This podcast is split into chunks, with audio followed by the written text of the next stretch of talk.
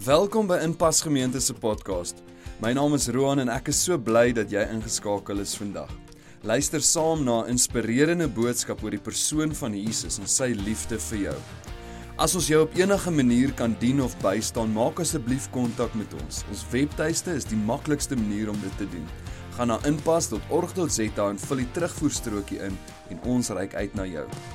As hierdie podcast 'n impak maak in jou persoonlike verhouding met Jesus, wil ons jou uitnooi om jou geloof prakties uit te leef. Jy kan dit doen deur vrygewig te gee sodat Inpas Gemeente die goeie nuus van Jesus kan verkondig. Kyk gerus op inpas.org.za hoe om 'n bydrae te maak. En nou, sit gerus terug en geniet die boodskap.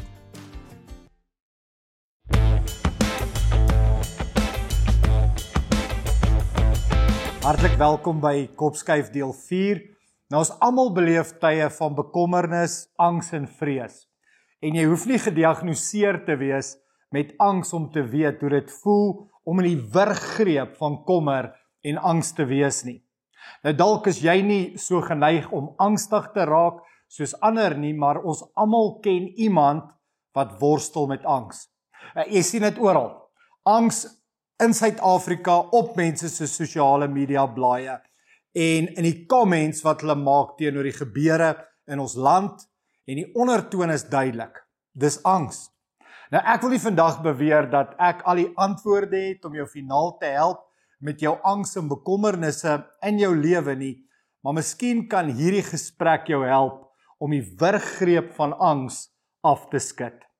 Nou angs is 'n huidige emosie wat jy nou ervaar van innerlike onrus, hierdie onstuimigheid hier binne in jou wat veroorsaak word deur die onsekerheid van die toekoms, 'n onaangename gevoel van vrees. En ons voel dit in ons siel, hier op ons skouers druk dit. En as jy wonder of jy angs het, hier is die simptome.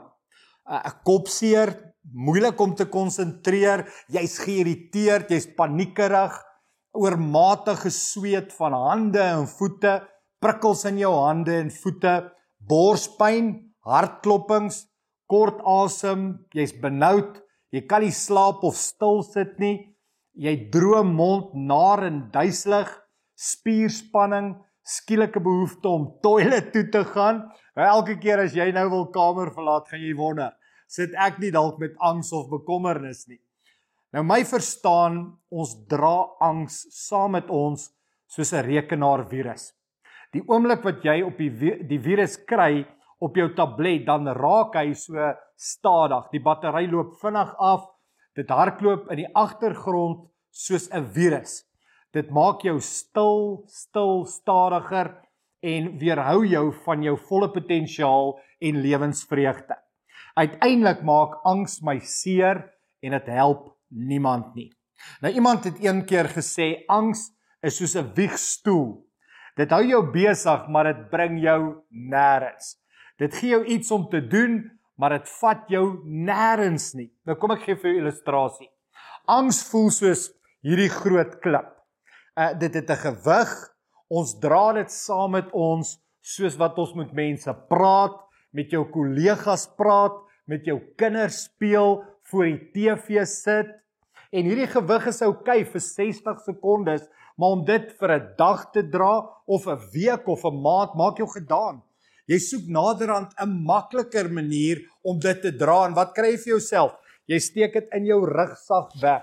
Jy's benoud oor jou werk, jou kinders se toekoms, jou ouers, die drama in jou verhoudinge en dan sit ons dit in 'n rugsak en dra dit saam met ons. So wat is die antwoord? Almal sê, luister jy maar hou net op. Nou, hoe hou jy net op? Ek wil amper sê dis die stupidste raad wat jy vir iemand kan gee. Petrus het baie spesifiek geskryf oor bekommernis, angs en ons sorges.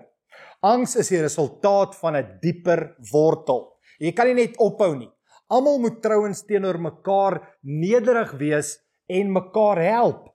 Dis wat 1 Petrus 5 vers 5 sê. Hy sê almal, ons almal, nou nederigheid. Wat het dit te doen met angs? Dis waar hy begin. Hy begin by die wortel van die probleem. Wanneer ek dink aan angs, dink ek glad nie aan nederigheid nie. Ek weet nie van jou nie, maar Petrus gaan 'n sterk punt maak rondom die verwantskap tussen nederigheid en angs. Nou nederigheid en jou bekommernisse.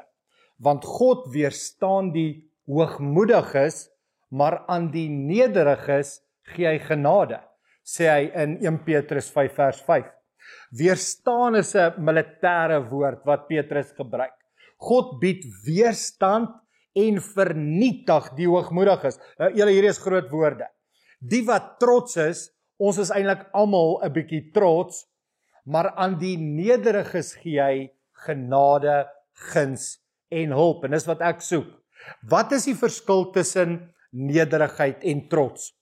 Nou hoogmoed of trots sê ek sal dit self kan doen.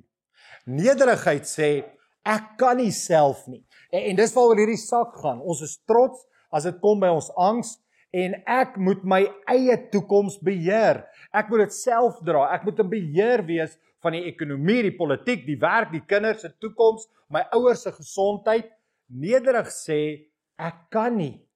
Ek kan nie my kinders beheer nie. Ek kan nie my baas beheer nie. Ek kan nie die hele maatskappy se inkomste beheer nie. Ek kan nie my ouers se gesondheid beheer nie. Dink jy jy kan dit self doen? Dink bietjie daaroor. Dink jy jy was geskape om al die goed vir so lank te dra? Dink jy jy kan nie uitbrand nie? sien jy die verwantskap tussen trots en angs? Onderwerp julle daarom in nederigheid aan die kragtige hand van God sodat hy julle kan verhoog op die regte tyd wat hy bestem het sê vers 6 van 1 Petrus 5 die kragtige hand van God. As jy glo dat God is kragtig en almagtig waarom dra jy alles op jou eie? Uh, hierdie woordjie verhoog want ons is eintlik al plat op die grond van al die kommer en van al die angs en die spanning God wil hê ons moet ligter leef. Sit die sak vir eens en vir altyd neer. Voel ligter. Voel jy of God jou wil oplig? Ja. Die regte tyd. Die probleem is ons kan nie die een wees wat bepaal wanneer die regte tyd is nie. Ons kan nie wag nie. Ehm um, dis soos 'n garage paai.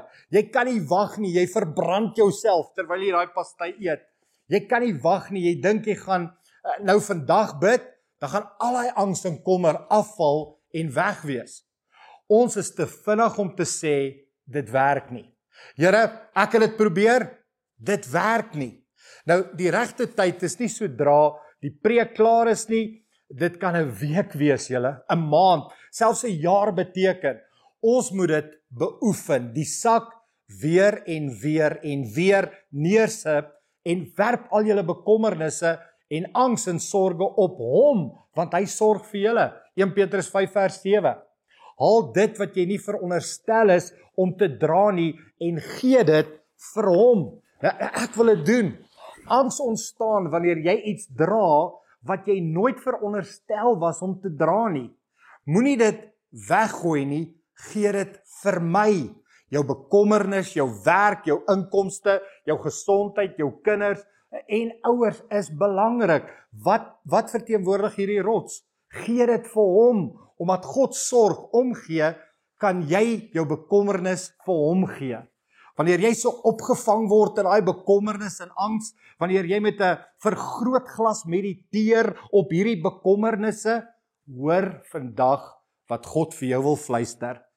Werp dit op my sodat jy kan terugstaan en 'n groter perspektief kry oor jou uitdagings. Julle ek hoop regtig dat hierdie gesprek rondom angs en vrees en bekommernisse wat ons so saam met ons dra, het jou vandag gehelp. Ek wil vra dat julle in julle groep of jy alleen nou na hierdie vrae, hierdie volgende paar vrae gaan kyk en dit eerlik gaan beantwoord in julle en jou eie lewe en toelaat dat die gees van die Here vir jou antwoorde kom gee en jou uitnooi na om God deel te maak en dit vir hom te gee en toe te laat dat hy daarmee werk op sy eie tyd. Geniet julle gesprek, geniet julle groepsbespreking. Ons sien julle weer. Mooi bly.